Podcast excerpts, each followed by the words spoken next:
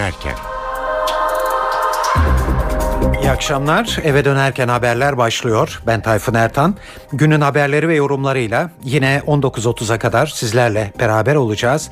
Öne çıkan gelişmelerin özetiyle başlıyoruz.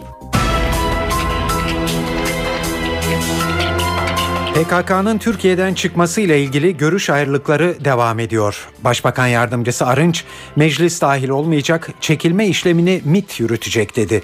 Kandil ise PKK'lılar yasal güvenceyi görmeden tek bir adım atamaz diyor. Akil adamlar belli oldu. Başbakan Erdoğan heyetle Perşembe akşamı İstanbul Dolmabahçe'de ofisinde buluşuyor. Galatasaray Real Madrid karşılaşması için İspanya'da. Ronaldo maç öncesinde iddialı konuştu. Hedeflerinin Şampiyonlar Ligi şampiyonluğu olduğunu söyledi. Tıp dünyasında bir ilk gerçekleşti. Antalya'da kadavradan rahim nakli yapılan bir kadına hamile kalması için embriyo transfer edildi ve gebelik süreci için ilk adım atıldı. Ve doğum izninin 16 haftadan 24 haftaya çıkaran düzenleme önümüzdeki hafta Bakanlar Kurulu'nda ele alınıyor.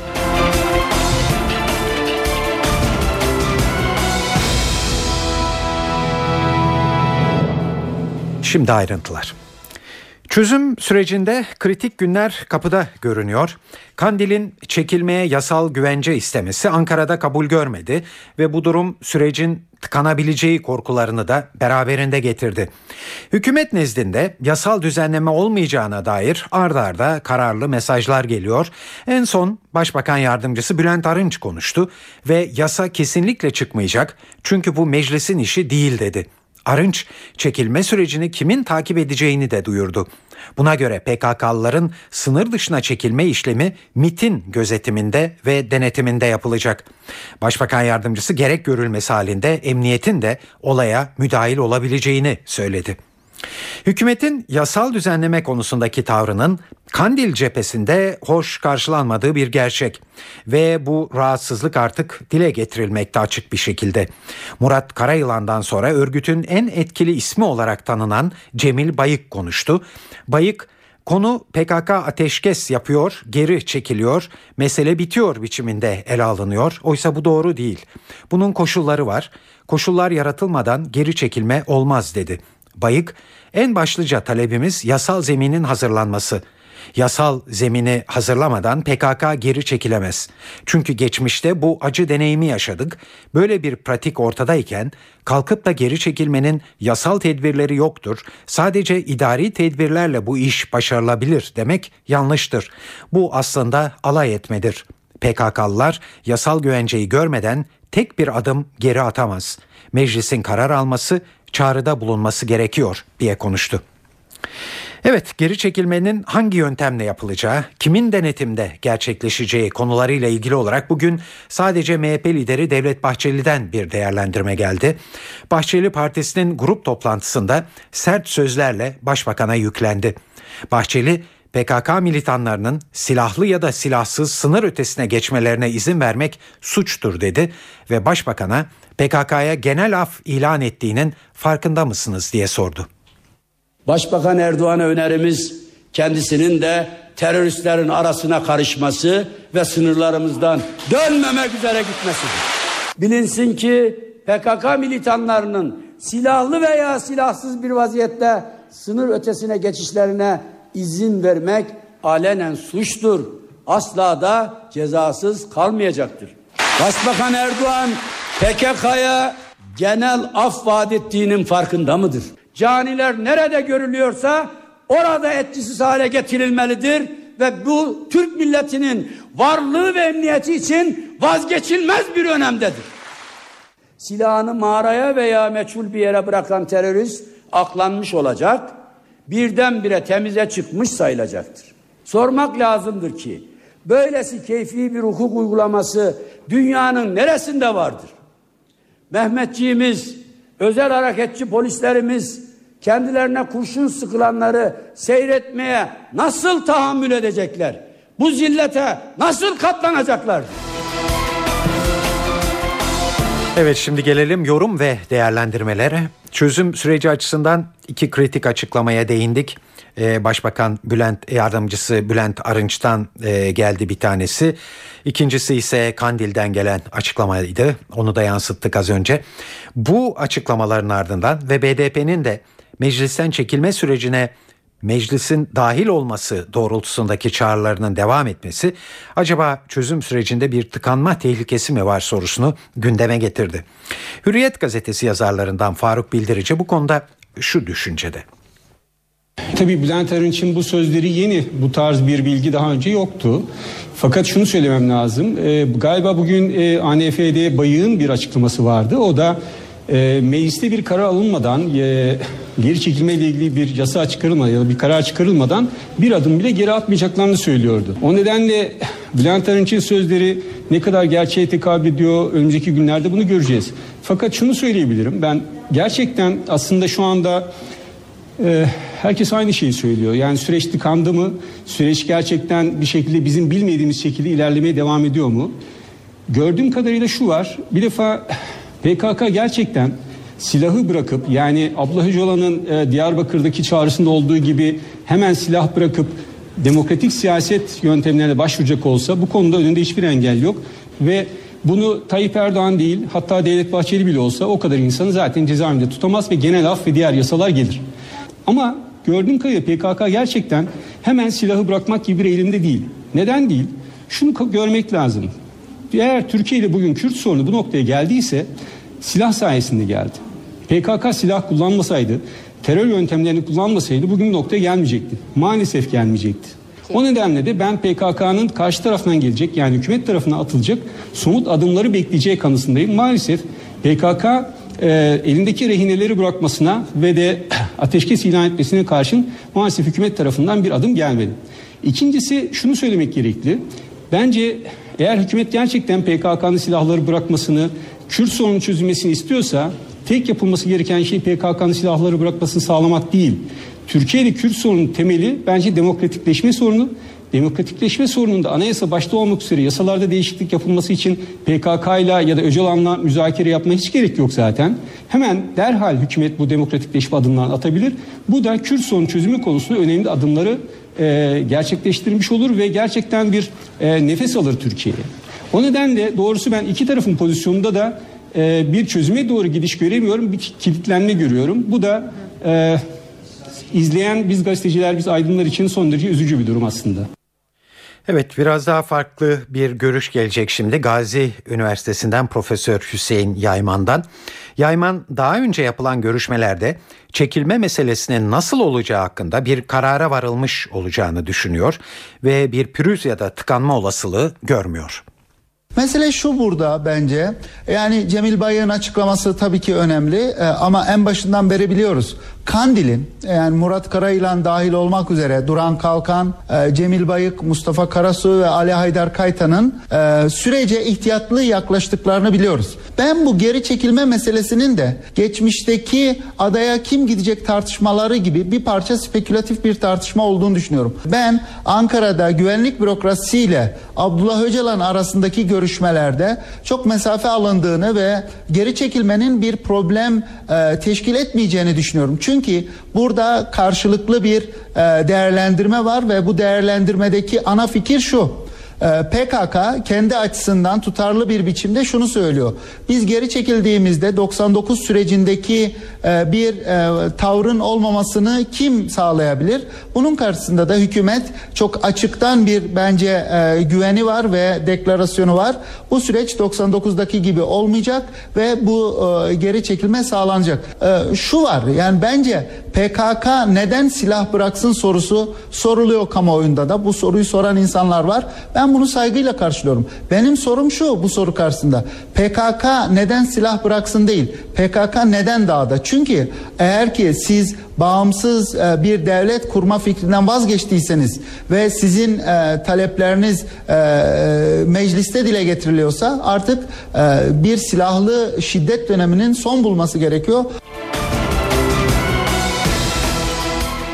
Çözüm sürecinin bir diğer önemli ayağı da yakında çalışmaya başlayacak olan Akil Adamlar Komisyonu olacak. O komisyona ilişkin ayrıntılar bugün Başbakan Erdoğan'ın açıklamalarıyla ete kemiğe bürünmüş görünüyor. Erdoğan isimlerin belli olduğunu ve heyetle perşembe akşamı İstanbul Dolmabahçe'de ofisinde bir araya geleceğini söyledi. Başbakan komisyonun neler yapacağını da şu sözlerle anlattı. Akil insanları tespit ettik. Sözüne güvenilen, sözü dinlenen, meseleyle ilgili birikimi olan toplumun çeşitli kesimlerinin itibarını kazanmış yazar, akademisyen, sanatçı ve sivil toplum örgütlerinden oluşan bir heyeti teşekkül ettirdik. Bir havuz oluşturduk. Şimdi bu havuz içinde çalışmamızı yapacağız. Heyetle büyük ihtimalle perşembe akşamı bir araya gelerek istişarelerimizi yapacağız. Hem biz bu heyetteki akil insanların görüş ve önerilerini dinleyecek, onlarla istişarelerde bulunacağız. Hem de onlar bölgelerimizde bir kısım etkinlikler gerçekleştirerek halkımızla kanaat önderleriyle bir araya gelecek.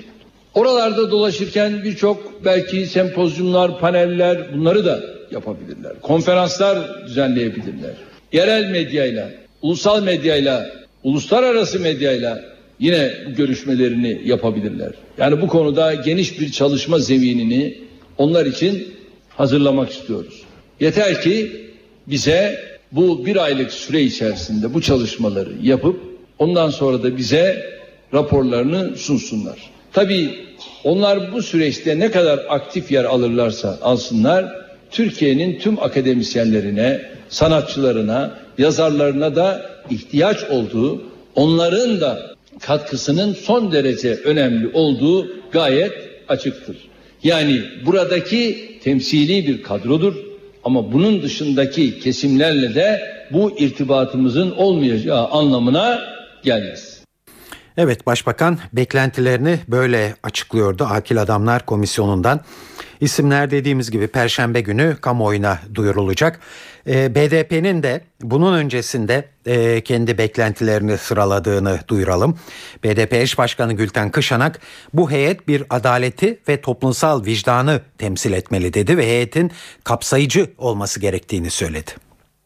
Akıl İnsanlar heyetinin öncelikli olarak kapsayıcı olması gerekiyor. Toplumun farklı kesimlerine hitap edebilen bir toplumsal uzlaşıyı ve toplumsal barışı tesis etmeye çalıştığımız bu süreçte farklı sosyal kesimlerin, kültürel kesimlerin, farklı katmanların, örgütlerin, kurumların desteğini ve katılımını öngören bir yaklaşımla ele alınmalı. Çünkü murad ettiğimiz şey toplumun tamamına hitap edebilen, toplumun çok farklı kesimlerini aynı hedefler doğrultusunda yani barış ve demokratik çözüm hedefi doğrultusunda sürece katabilen bir yaklaşımla ele alınması gerekiyor. İkincisi bu heyetin bir adalet duygusu ve toplumsal vicdanı temsiliyet pozisyonunun mutlaka olması gerekiyor. Yine bu uzlaşmazlığın, bu çatışmanın, bu problemin taraflarına eşit mesafede durabilen, kendi tarafsızlığını koruyabilen, tarafkir olmayan, eğer taraf olacaksa barışın, çözümün ve özgürlüklerin yanında taraf tutabilecek kişilerden oluşması gerekiyor. Evet dün sizlere e, bu yayında hükümetin çözüm sürecini anlatmak üzere muhalefeti bilgilendirme turuna çıkacağını duyurmuştuk. Bilgilendirme turunun kapsamı bugün daha da genişledi. AKP süreci halka da anlatacak. Bunun için bölgelere gruplar halinde milletvekilleri gidecek. NTV muhabiri Ercan Gürses anlatıyor. Bir rotasyon da diyebiliriz milletvekilleri, doğu kökenli milletvekillerinin batıya, batı kökenlerin doğuya gidip çözüm süreciyle ilgili değerlendirmede bulunması bekleniyor. 45-50 civarında batı kökenli AK Parti milletvekili hafta sonu doğu illerine 3 il belirlendi. Batman, Diyarbakır ve Siirt'e gidecek. Bunların gönüllü olduğu belirtiliyor. İlçeler dahil dolaşacaklar, vatandaşın nabzını tutacaklar, çözüm süreciyle ilgili mesajlarını verecekler. Bazı MYK üyeleri ve bakanların olduğu milletvekilleri de Bunlar da batı illerine gidecekler. Karadeniz illerinde yine çözüm süreciyle ilgili değerlendirmede bulunacaklar. Ardından Ege'ye geçecekler. Bu birkaç aylık süreci kapsayan bir değerlendirme olacak ve çözüm süreciyle ilgili onlar da batının nabzını tutacaklar. AK Parti içerisinden çözüm süreciyle ilgili çıkan son bilgiler bu yönde. Saat 18.21 NTV Radyo'da eve dönerken haberleri dinliyorsunuz.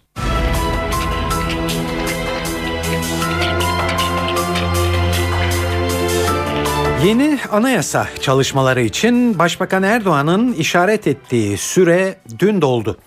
Böylesine kritik bir dönemde Meclis Başkanı Cemil Çiçek dün akşam Meclis Anayasa Uzlaşma Komisyonu üyeleriyle bir araya geldi.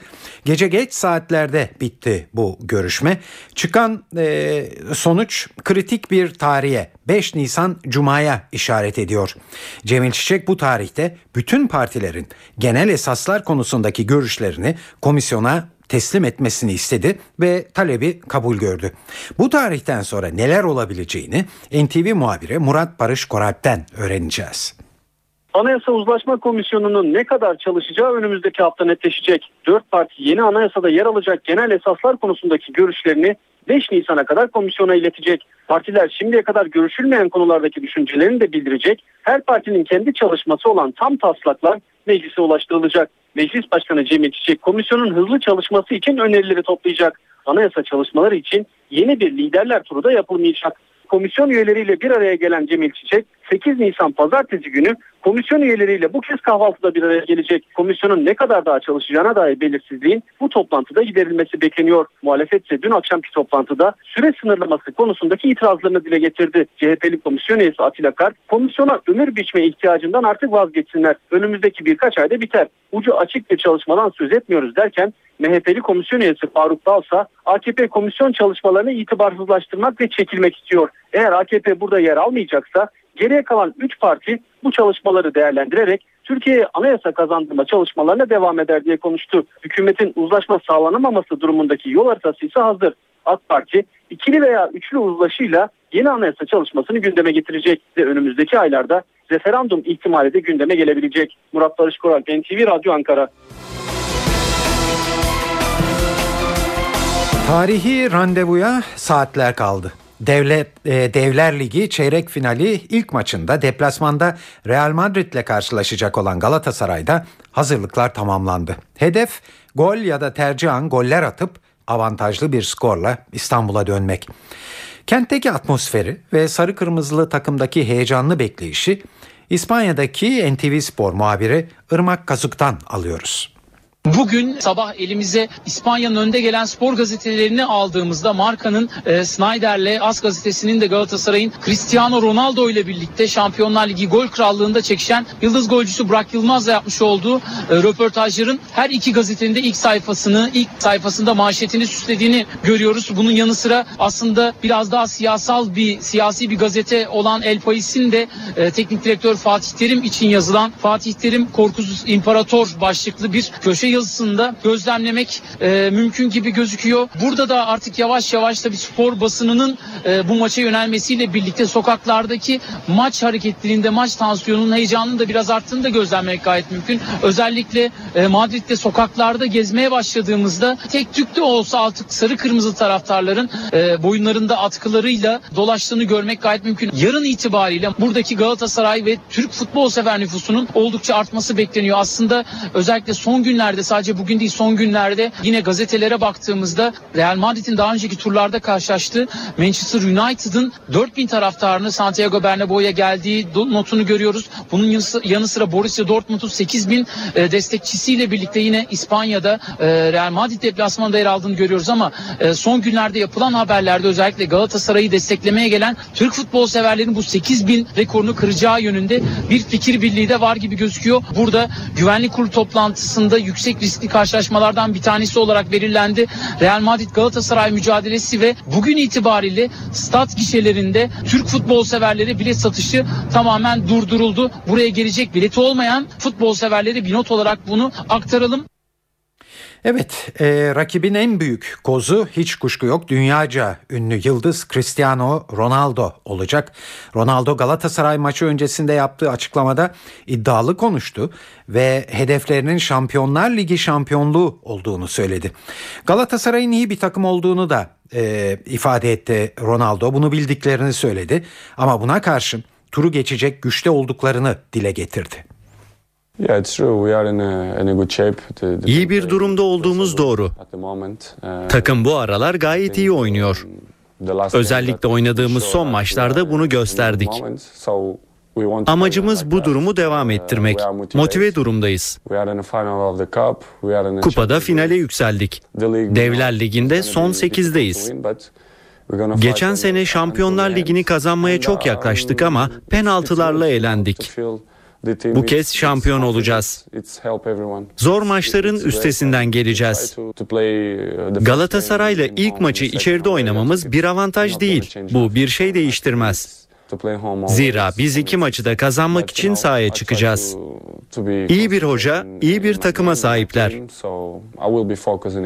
Zor bir maç olacak ama benim ve arkadaşlarımın üzerinde bir baskı yok. Kendi oyunumuzu sahaya yansıtacağız. Önemli olan da bu zaten.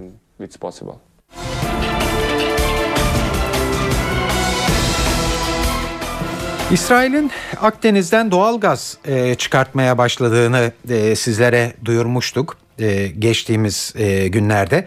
Şimdi bu doğal gazı pompalamaya da başladı İsrail ve Avrupa'ya aktarmak için de Türkiye'ye ihtiyacı var. Aslında e, özür sonrasında e, Türkiye işbirliği yapacak mı sorusuna e, Enerji Bakanı Taner Yıldız yanıt verdi. E, Yıldız özrün gerekçesi enerji anlaşmaları değil ama sonucu olabilir diyerek anlaşma yapılabileceğinin sinyallerini verdi. Tabii siyasi bir olayı ayırt etmemiz lazım. Özrün gerekçesi enerji projeleri olmadı. Ya bazı uluslararası basın yayın organlarında zaten enerji projeleri geliştirecektiniz. Ondan dolayı özür dilendi. Dolayısıyla alan razı, veren razı, herhangi bir sıkıntı yok dediler. Durum böyle değil arkadaşlar. Gerekçesi enerji projelerinden olmadı ama sonuçları enerji projeleri de olabilir. Biz bununla alakalı şu an bugünün gündemi olarak bunu almıyoruz. İleride iki ülkenin arasındaki ilişkilerin normalleşmesiyle beraber bakacağız, izleyeceğiz. Herkes taahhüdünü tabii ki bu manada özellikle İsrail'in yerine getirdiğini hep beraber göreceğiz ve ondan sonra tekrar oturup enerjiyle alakalı o doğal gaz taşınabilir mi? Yoksa taşınırsa Türkiye'den mi geçer, başka ülkeden mi geçer? Bunları konuşacağız. Tıp dünyasında bir ilk gerçekleşti. Antalya'da kadavradan rahim nakli yapılan bir kadına hamile kalması için şimdi de embriyo transfer edildi ve gebelik süreci için ilk adım atılmış oldu. İşlemin başarıya ulaşıp ulaşmadığı 15 gün sonra belli olacak. NTV muhabiri Sibel Atasoy'u dinliyoruz. 8 Ağustos 2011 tarihinde Profesör Doktor Ömer Özkan başkanlığındaki ekip 7 saat süren bir operasyonla kadavradan ilk rahim naklini Derya Sert'e gerçekleştirdi. Derya Sert yaklaşık bir, bir buçuk yıldır bu anı bekliyordu ve hocalar da bu anı bekliyordu. Tabii ki öyle diyebiliriz çünkü dünyanın gözü Akdeniz Üniversitesi Tıp Fakültesindeydi ve embriyo nakli bekleniyordu uygun zaman e, ayarlanınca ve bugün bu embriyo transferi gerçekleşti. Uygun zaman derken neyi kastediyoruz? E, rahim nakli olmuştu. İlaçlar alıyordu Derya Sert. Bu ilaçların en az düzeye indirildiği zaman beklendi ve kan değerlerinin düşmesi beklendi. Yine rahim e, rahimin e, kal, zarının e, kalınlaşması beklendi ve bunlar sağlanınca tüm bunlar sağlanınca embriyo transferi gerçekleşti. Transfer gerçekleşti ve e, 10-15 günlük süreçte hamilelik netleşecek. Eğer hamilelik netleşirse 9 ay sonra Derya Sert çocuğunu kucağına alabilecek ve bu dünyada ilk olacak. Yine yüz binlerce kadın kadın Rami olmayan kadın bu haberi bekliyordu ve 10-15 gün sonra hamileliğin gerçek olup olmadığı yine uzmanlar tarafından açıklanacak. Doğum izninin 16 haftadan 24 haftaya çıkaran e, düzenleme önümüzdeki hafta Bakanlar Kurulu'nda ele alınacak. Açıklamayı Aile ve Sosyal Politikalar Bakanı Fatma Şahin yaptı. Şahin tasarının parlamento yaz tatiline girmeden yasalaşacağını söylüyor. Önce uzmanlar, e, yurt içinde, yurt dışındaki örnekler, e, yapılan verilen desteklerle yakalanan sonuçlar, e, Çalışma Bakanlığı, Maliye Bakanlığı, Kalkınma Bakanlığı, bizim bakanlığımız çok yoğun bir mesai içerisinde önce uzmanlar çalıştı. Herkes kendi bakanlık görüşünü masaya koydu. Arkasından Kalkınma Bakanı Müsteşarımızın başkanlığında müsteşarların görüşmesi aşamasındayız şu anda. Onlar o gelen bilgileri süzerek kendi yerli modelimizi ve kendi hedefimize ulaşmamız için de yapılması gereken çalışmaları tamamlayacaklar. Ne kadar sürede ee, Yani benim şu, şu an ilk aşama bitti. İkinci aşama bu hafta tamamlanıyor. O rapor tamamlanınca önümüzdeki hafta biz Sayın Babacan'ın başkanlığında çalışmamızı tamamladıktan sonra Bakanlar Kurulu'na sevk aşamasına gelecek. Meclis kapanmadan biz bunu parlamentoya gönderecek şekilde yapım çalışmayı tamamlamış olduk.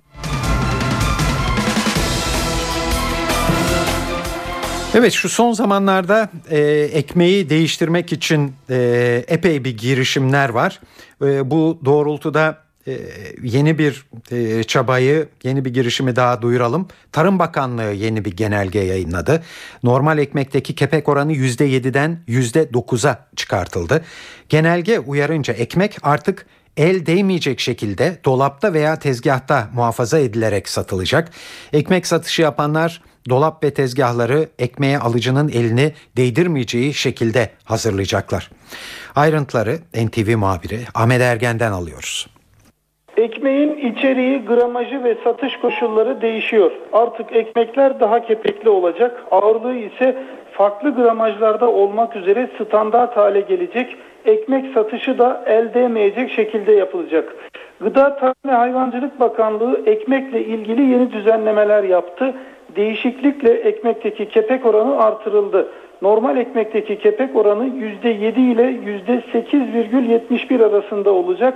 Tam buğday ekmeğindeki kepek oranı ise %15,79 olacak. Ambalajlı satılan ekmekler 250 gramın üstünde üretilecek. Diğerleri ise ya 100 grama kadar ağırlıklarda olacak ya da 250 gramın üstünde üretilecek. 100 ile 250 gram arasındaki ağırlıkta ekmek artık üretilmeyecek.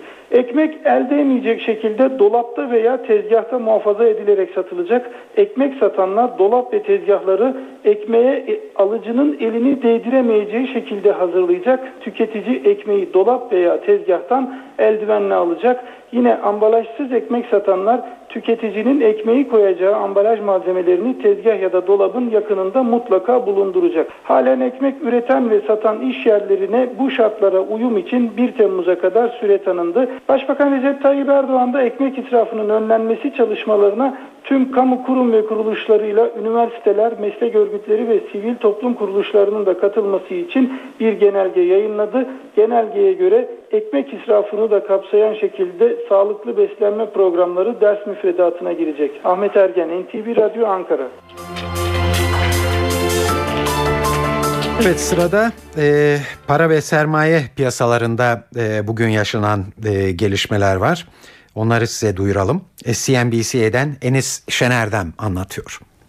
Avrupa borsaları Paskalya tatilinden yükselişle döndü. Geçtiğimiz haftalarda piyasalarda panik satışlarına yol açan Güney Kıbrıs sorununun bir miktar kontrol altına alınmış olması borsaları desteklese de kafalarda yine soru işaretleri var. Güney Kıbrıs'ta sermaye kontrolleri yoluyla krizin çözülmediği sadece dondurulduğu belirtiliyor. İMKB ise bugün yurt dışından olumsuz ayrışarak soluklandı. Gün boyu ekside seyreden borsa son yarım saatte gelen alımlarla günü 86 bin seviyesinin hemen üzerinde tamamlamayı başardı. Endekste değer kaybı sadece %0.1 oldu. Para piyasalarında Euro'nun toparlanma çabası satış baskısıyla karşı karşıya kalıyor. Parite 1.28.50'yi aşmakta zorlanırken TL'de bir miktar değerlenme yaşandı. Dolar TL bir ara 1.80 seviyesinin altını test etti ve 1.80-20'den günü tamamladı. Tahvil piyasasında ise hazinenin ihaleleri takip edildi. Talep beklenen düzeyde olmayınca gösterge tahvilin faizi de ikinci piyasada %6.50'ye kadar yükseldi. Sizin yaşadığınız kentte durum ne bilmiyorum ama İstanbul'da bugün öğle saatlerinde hava e, baharın ötesinde tam anlamıyla yaz günlerini e, hatırlatır sıcaklıktaydı. Acaba önümüzdeki günler ne diyor? Bunu en iyi bilecek kişi NTV Meteoroloji Editörü Gökhan Abur tabi. Yurt yerine kuvvetli esecek lodos etkisini arttırırken yağışlar giderek kuvvetlenecek. Özellikle akşam saatlerinde kıyı Ege'de başlamasını beklediğimiz yağışlar yarın batıda kuvvetlenecek. Lodos'la birlikte Batı Akdeniz, Ege ve Marmara'da kuvvetli sağanaklar görülecek. Yağışların iç kesimlere doğru ilerlemesini bekliyoruz. Yağışlar yarın için özellikle Muğla, Dalaman, Fethiye, Kaş, Kemer, Manavgat, Alanya arasında çok daha kuvvetli ve gök gürültülü sağanaklar şeklinde olacak. Perşembe günü kıyı Ege'de yağış etkisini kaybederken Trakya ve Marmara'nın güneyinde hafif, Doğu Akdeniz, İç Anadolu ve Batı Karadeniz'de ise kuvvetli sağış yağışlar devam edecek. Güneydoğu'da da kısa süreli olsa yağış bekliyoruz. Cuma günü batıda yağış etkisini kaybederken İç Anadolu'nun doğusu, Doğu Karadeniz, Doğu ve Güneydoğu'da aralıklarla etkisini sürdürecek. Yarın İstanbul sağanak yağışta özellikle sağanak yağışlar öğleden sonra ve gece saatlerine giderek etkisini arttıracak ve sıcaklıklar yine yüksek değerlerde. Gündüz sıcaklığı yarın için beklediğimiz 19 derece. Gece sıcaklığı 11 dereceler civarında olacak. Ankara'da yarın yağmur zayıf. Sıcaklık yüksek olacak ve 21 dereceye kadar çıkacak. Perşembe günü ise sağanakların giderek kuvvetlenmesini bekliyoruz. Gece sıcaklığı 11 derece olacak. İzmir'de yağmur bu gece başlıyor ve özellikle yarın kuvvetlenecek. Yağışlarla birlikte sıcaklıklarda önemli değişiklik beklemiyoruz. Gündüz sıcaklığı yine 19 derece olacak. Gece ise sıcaklık 11 derece civarında olacak. Saat 18.42 günün gelişmeleriyle devam ediyoruz.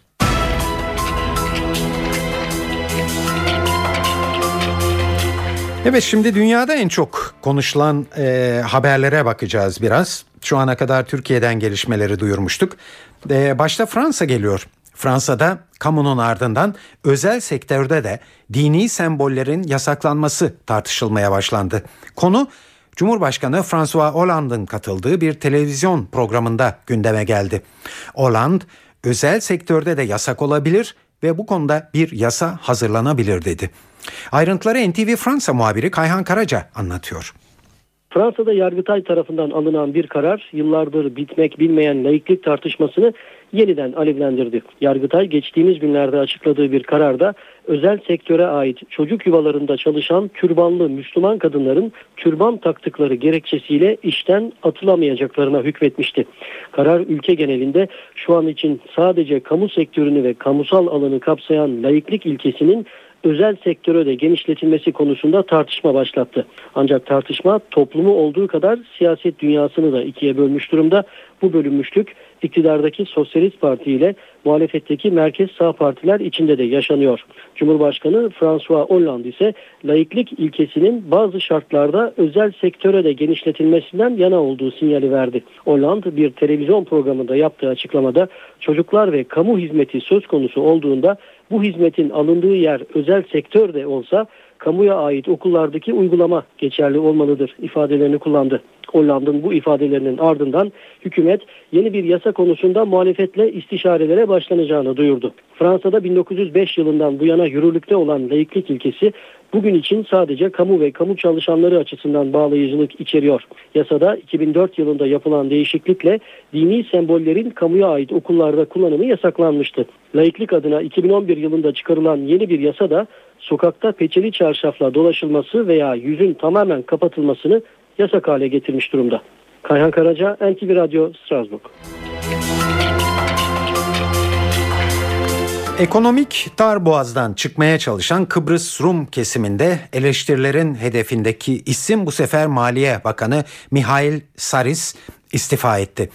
Rum yönetimi lideri Nikos Anastasiadis istifayı kabul etti ve Maliye Bakanlığı'na yeni bir isim atadı. Ayrıntıları NTV Lefkoşa temsilcisi Selim Sayar anlatıyor.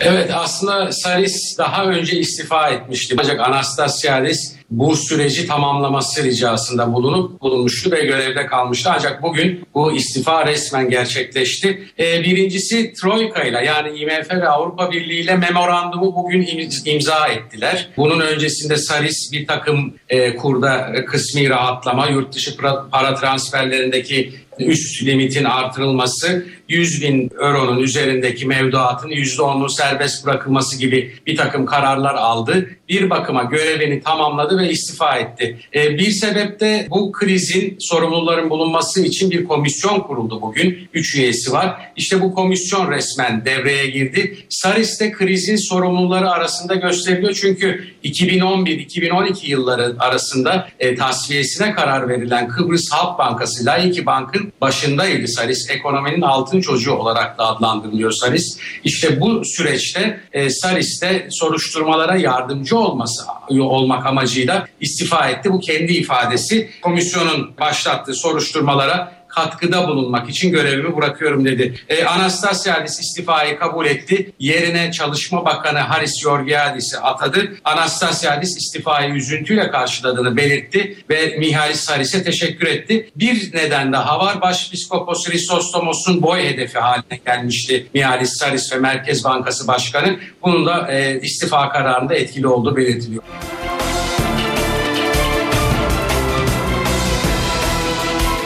Ekonomik kriz Avrupa'yı ve özellikle e, Euro bölgesini derinden etkilemeye devam ediyor. İşsizlik rekor seviyelere ulaştı son olarak.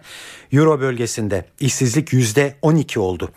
Rekor dedik çünkü oran Euro'nun piyasaya çıktığı 1999'dan bu yana görülen en yüksek seviye. İspanya ve Yunanistan'da bu oran yüzde 26'ya kadar yükseliyor ve tabi kıta genelindeki krizi de tam anlamıyla ne boyutta olduğunu gözler önüne sürüyor. NTV Brüksel temsilcisi Güldener Sonumut veriyor ayrıntıları. Avrupa Birliği'nin istatistik kurumu Eurostat 1999 yılından bu yana Avrupa Birliği'nin tarihinin en yüksek işsizlik oranı ile karşı karşıya olduğunu açıkladı. Avrupa Birliği'nde işsizlik oranı ortalama %12'ye ulaştı. Bir başka deyişle 19 milyon işsiz bulunuyor Avrupa Birliği'nde. Oranlar ise AB üye ülkeler arasında oldukça değişik. En yüksek oran %26.4 ile Yunanistan'da. Ancak e, Yunanistan'a hızlı bir şekilde İspanya ulaşmak üzere İspanya'da işsizlik oranı %26.3. Avrupa Birliği'nin içinde bulunmuş olduğu ekonomik kriz işsizliği ve özellikle gençleri olumsuz yönde etkiliyor. Gençlerin arasında işsizlik oranı oldukça yüksek. 15-24 yaş grubunda Avrupa Birliği'nde ortalama olmasa bile bu yaş grubundaki işsizlik oranı %37'ye ulaşmak üzere. Avrupa Birliği'nin Ekonomik İstatistik Enstitüsü Eurostat özellikle büyüme konusunda sorun yaşayan Avrupa Birliği'nde işsizlik oranlarının yükseliş trendinin devam edeceğini, önümüzdeki Haziran ve Temmuz aylarında turizm sezonunun açılmasıyla birlikte mevsimsel de olsa işsizlik oranının düşüş kaydedebileceğini ancak Eylül 2013'ten itibaren yükseliş trendinin devam edebileceğini dile getiriyor.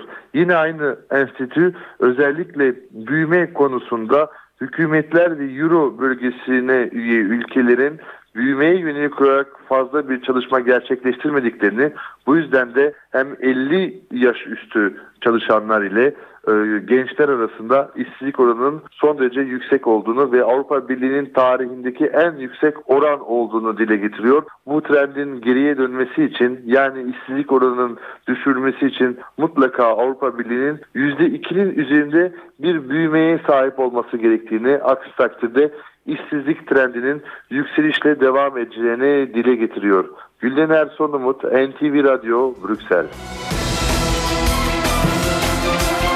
Evet Galatasaraylılara bir son dakika e, haber duyuralım. E, şu anda e, Real Madrid Teknik Direktörü Jose Mourinho e, Madrid'de bir e, canlı basın toplantısı düzenliyor ve Mourinho hedefimiz Şampiyonlar Ligi'ni kazanmak ve e, ligi bize e, yaraşan bir e, yerde tamamlamak diye konuşuyor ve Mourinho Galatasaray'la oynayacakları yarın akşamki maç içinde e, yarın e, gece bizi e, İstanbul'da rahat ettirecek bir sonuç almak istiyoruz diye konuştu.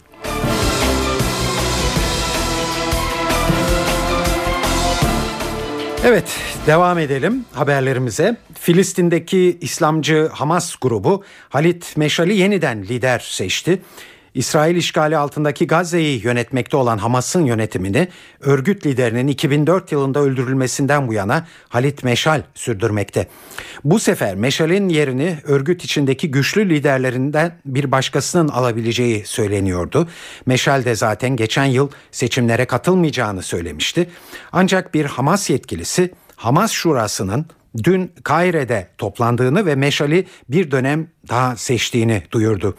Batı Şeria'da Ramallah'ta doğan Meşal onlarca yıl sürgünde yaşamış ve ilk defa geçen Aralık ayında Gazze'yi ziyaret etmişti.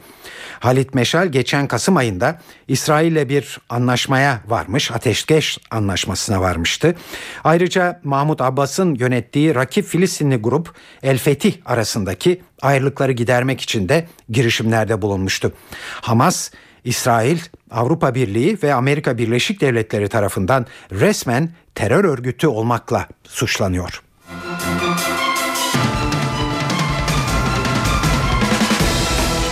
Kuzey ve Güney Kore arasındaki gerginliğin son aşamasında Kuzey Kore 2007 yılında çalışmalarını durdurduğu Yongbyon nükleer tesisinin faal hale sokulacağını açıkladı. Böylece Kuzey Kore'nin nükleer gücünün miktar ve kalitesinin artırılacağını belirtildi. Kuzey Kore yönetimi Şubat ayında yaptığı 3. nükleer bomba denemesi karşısında Birleşmiş Milletler'in yaptırım kararı almasına ve Amerika'nın Güney Kore ile birlikte askeri harekat yapmasına öfkelenmiş, bu iki ülkeye karşı savaş tehditlerinde bulunmuştu. Kuzey Kore şimdi de Yongbyon nükleer reaktörünü yeniden devreye sokuyor. Kuzey Kore'nin elindeki nükleer silahlar için kullanılan plütonyum bu reaktörde üretilmişti geçmişte. Reaktör Kuzey Kore'nin bu reaktörü kapatma karşılığında yardım almasını içeren bir anlaşmaya varılmasıyla kapatılmıştı. Hatta bu reaktörün soğutma bacası da yıkılmıştı. Ancak varılan anlaşma bir aşamada ortada kalmış, reaktör de elektrik üretimi için kullanılmaya başlanmıştı. Şimdi tekrar plütonyum üretmeye başlayacak.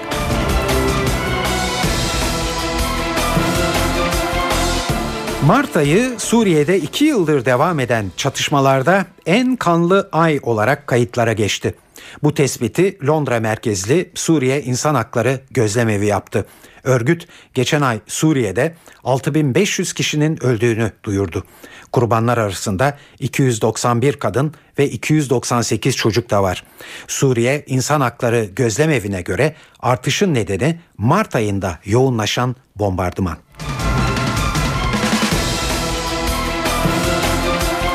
Amerika'da Batman filminin gösterimini basarak 12 kişiyi öldüren sanık James Holmes'un idamı istendi.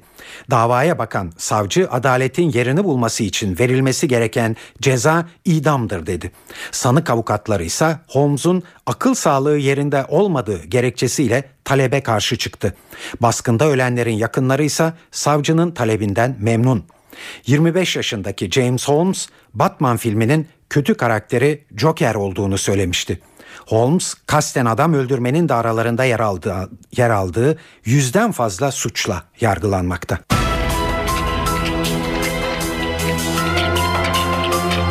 Akil adamlar belli oldu. Başbakan Erdoğan heyetle Perşembe akşamı İstanbul Dolmabahçe'de buluşuyor.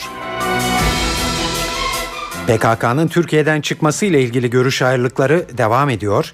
Başbakan yardımcısı Arınç meclis dahil olmayacak çekilme işlemini MIT yürütecek dedi.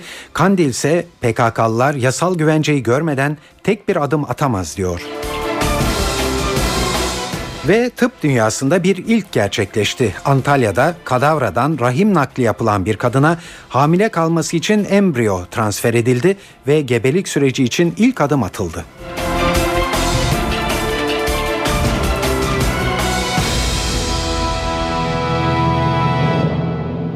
Çözüm sürecinin önemli bir ayağı Akil Adamlar Komisyonu yakında çalışmaya başlıyor. Komisyona ilişkin ayrıntılar bugün Başbakan Erdoğan'ın açıklamalarıyla somutlaştı. Erdoğan isimlerin belli olduğunu ve heyetle perşembe akşamı İstanbul'daki ofisinde bir araya geleceğini söyledi. Başbakan komisyonun neler yapılacağını da anlattı. Akil insanları tespit ettik. Sözüne güvenilen, sözü dinlenen, meseleyle ilgili birikimi olan toplumun çeşitli kesimlerinin itibarını kazanmış yazar, akademisyen, sanatçı ve sivil toplum örgütlerinden oluşan bir heyeti teşekkül ettirdik. Bir havuz oluşturduk. Şimdi bu havuz içinde çalışmamızı yapacağız. Heyetle büyük ihtimalle perşembe akşamı bir araya gelerek istişarelerimizi yapacağız. Hem biz bu heyetteki akil insanların görüş ve önerilerini dinleyecek, onlarla istişarelerde bulunacağız. Hem de onlar bölgelerimizde bir kısım etkinlikler gerçekleştirerek halkımızla kanaat önderleriyle bir araya gelecek. Oralarda dolaşırken birçok belki sempozyumlar, paneller bunları da yapabilirler. Konferanslar düzenleyebilirler. Yerel medyayla, ulusal medyayla, uluslararası medyayla yine bu görüşmelerini yapabilirler. Yani bu konuda geniş bir çalışma zeminini onlar için hazırlamak istiyoruz. Yeter ki bize bu bir aylık süre içerisinde bu çalışmaları yapıp ondan sonra da bize raporlarını sunsunlar. Tabii onlar bu süreçte ne kadar aktif yer alırlarsa alsınlar Türkiye'nin tüm akademisyenlerine, sanatçılarına, yazarlarına da ihtiyaç olduğu, onların da katkısının son derece önemli olduğu gayet açıktır. Yani buradaki temsili bir kadrodur ama bunun dışındaki kesimlerle de bu irtibatımızın olmayacağı anlamına gelmez. Evet isimler Perşembe günü kamuoyuna duyurulacak ama BDP bunun öncesinde kendi beklentilerini sıraladı. BDP eş başkanı Gülten Kışanak bu heyet bir adaleti ve toplumsal vicdanı temsil etmeli dedi. Heyetin kapsayıcı olması gerektiğini söyledi. Akıl İnsanlar Heyeti'nin öncelikli olarak kapsayıcı olması gerekiyor. Toplumun farklı kesimlerine hitap edebilen bir toplumsal uzlaşıyı ve toplumsal barışı tesis etmeye çalıştığımız bu süreçte farklı sosyal kesimlerin, kültürel kesimlerin, farklı katmanların, örgütlerin, kurumların desteğini ve katılımını öngören bir yaklaşımla ele alınmalı. Çünkü murad ettiğimiz şey toplumun tamamına hitap edebilen, toplumun çok farklı kesimlerini aynı hedefler doğrultusunda yani barış ve demokratik çözüm hedefi doğrultusunda sürece katabilen bir yaklaşımla ele alınması gerekiyor. İkincisi bu heyetin bir adalet duygusu ve toplumsal vicdanı temsiliyet pozisyonunun mutlaka olması gerekiyor. Yine bu uzlaşmazlığın, bu çatışmanın, bu problemin taraflarına eşit mesafede durabilen, kendi tarafsızlığını koruyabilen, tarafkir olmayan, eğer taraf olacaksa barışın, çözümün ve özgürlüklerin yanında taraf tutabilecek kişilerden oluşması gerekiyor. Çözüm sürecinde kritik e, aşamalardan geçiliyor. Kandil'in çekilmeye yasal güvence istemesi Ankara'da kabul görmedi ve bu durumun sürecin tıkanabileceği korkularını beraberinde getirdiği gözleniyor. Hükümet nezdinde yasal düzenleme olmayacağına dair en son açıklama Başbakan Yardımcısı Bülent Arınç'tan geldi. Arınç yasa kesinlikle çıkmayacak çünkü bu meclisin işi değil diye konuştu. Arınç çekilme sürecini kimin takip edeceğine de değindi. Buna göre PKK'lıların sınır dışına çekilme işlemi MIT'in gözetiminde ve denetiminde yapılacak. Başbakan yardımcısı gerek görülmesi durumunda emniyetin de olaya müdahil olabileceğini söyledi. Evet hükümetin e, bu e, tavrı e, Kandil'de hoş karşılanmıyor. Murat Karayılan'dan sonra örgütün en etkili ismi olarak görülen Cemil Bayık Konu PKK ateşkes yapılıyor, geri çekiliyor, mesele bitiyor biçiminde ele alınıyor. Oysa bu doğru değil, bunun koşulları var. Koşullar yaratılmadan geri çekilme olmaz dedi. Bayık en başlıca talebimiz yasal zeminin hazırlanması. Yasal zemini hazırlanmadan PKK geri çekilemez. Çünkü geçmişte bu acı deneyimi yaşadık. Böyle bir pratik ortadayken kalkıp da geri çekilmenin yasal tedbirleri yoktur. Sadece idari tedbirlerle bu iş başarılabilir demek yanlıştır. PKK'lılar yasal güvenceyi görmeden tek bir adım geri atamaz. Meclisin karar alması, çağrıda bulunması gerekiyor diye konuştu.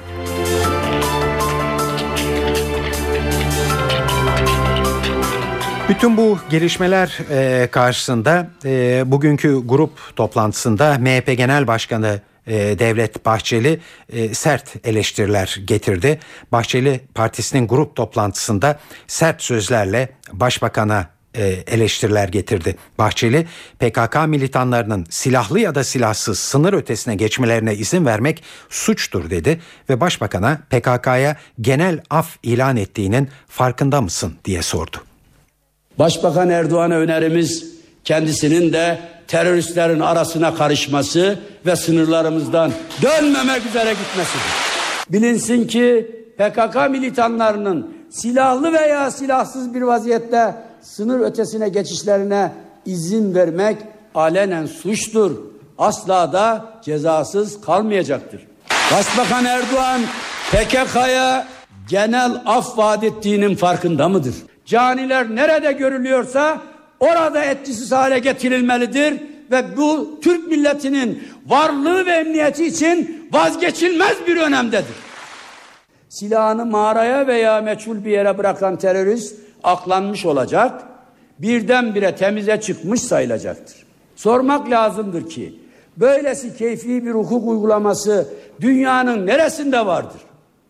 Mehmetçiğimiz, özel hareketçi polislerimiz kendilerine kurşun sıkılanları seyretmeye nasıl tahammül edecekler? Bu zillete nasıl katlanacaklardır? Saat 19.14 NTV Radyo'da eve dönerken haberleri dinliyorsunuz.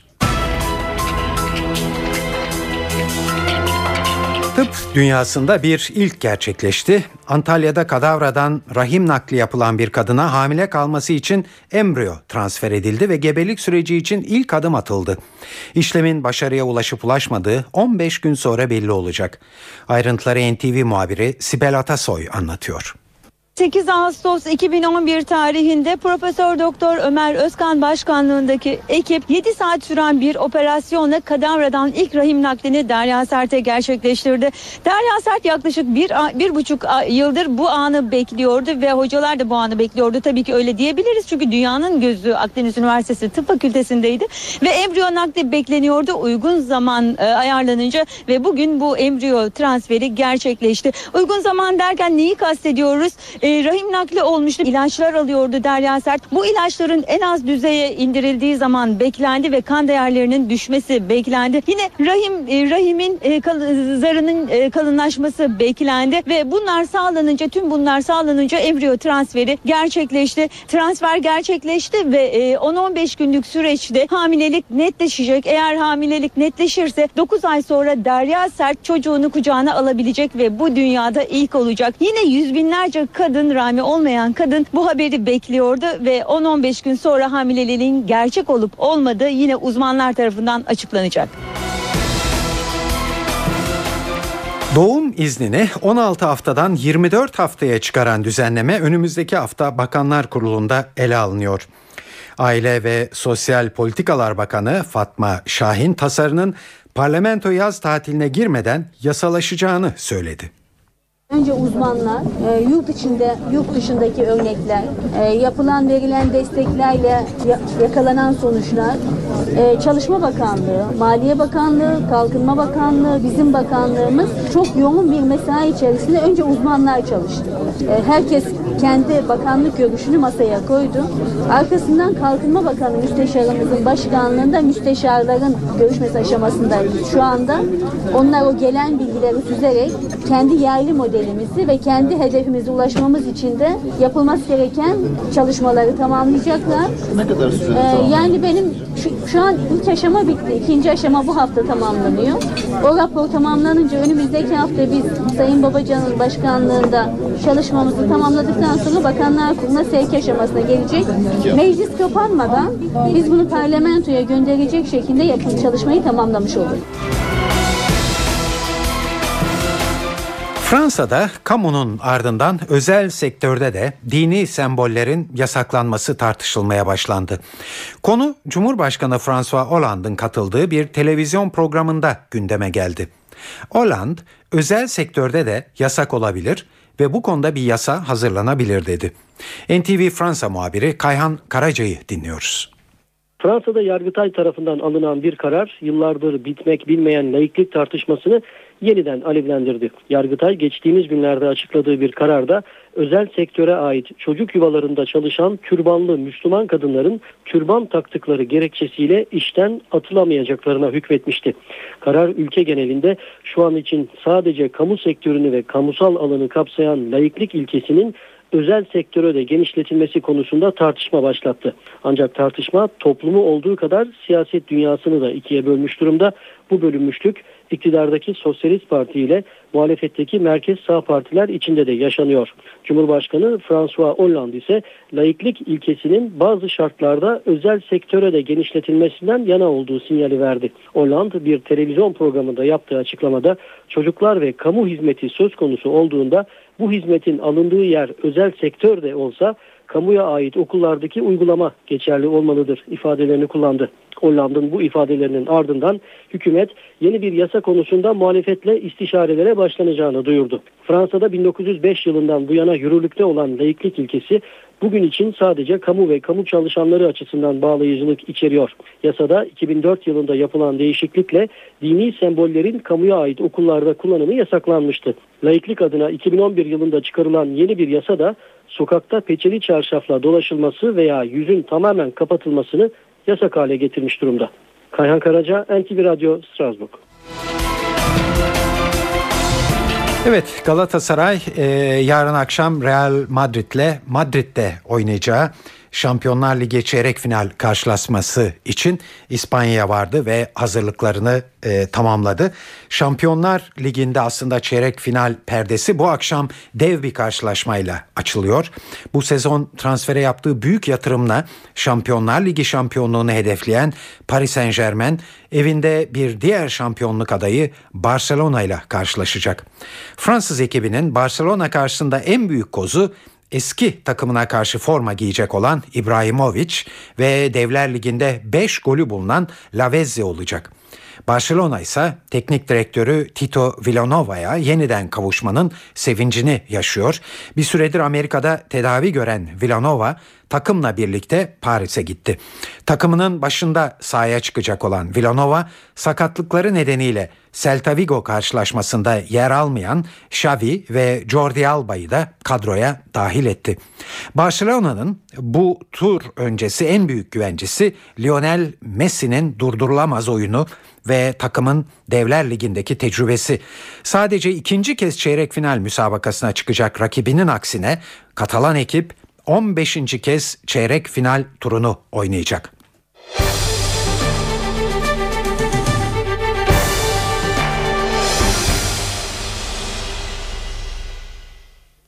Evet bu karşılaşmayı NTV'de 21.45'te izleyebileceğinizi söyleyelim ve gelelim kültür sanat dünyasından haberlere. Size çeşitli etkinliklerden bir derleme sunuyoruz. Müzik